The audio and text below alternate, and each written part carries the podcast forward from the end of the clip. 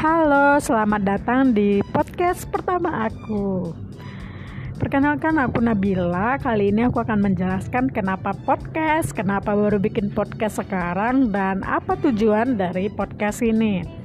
Yang pertama, aku ingin membuat podcast karena ingin berbagi cerita.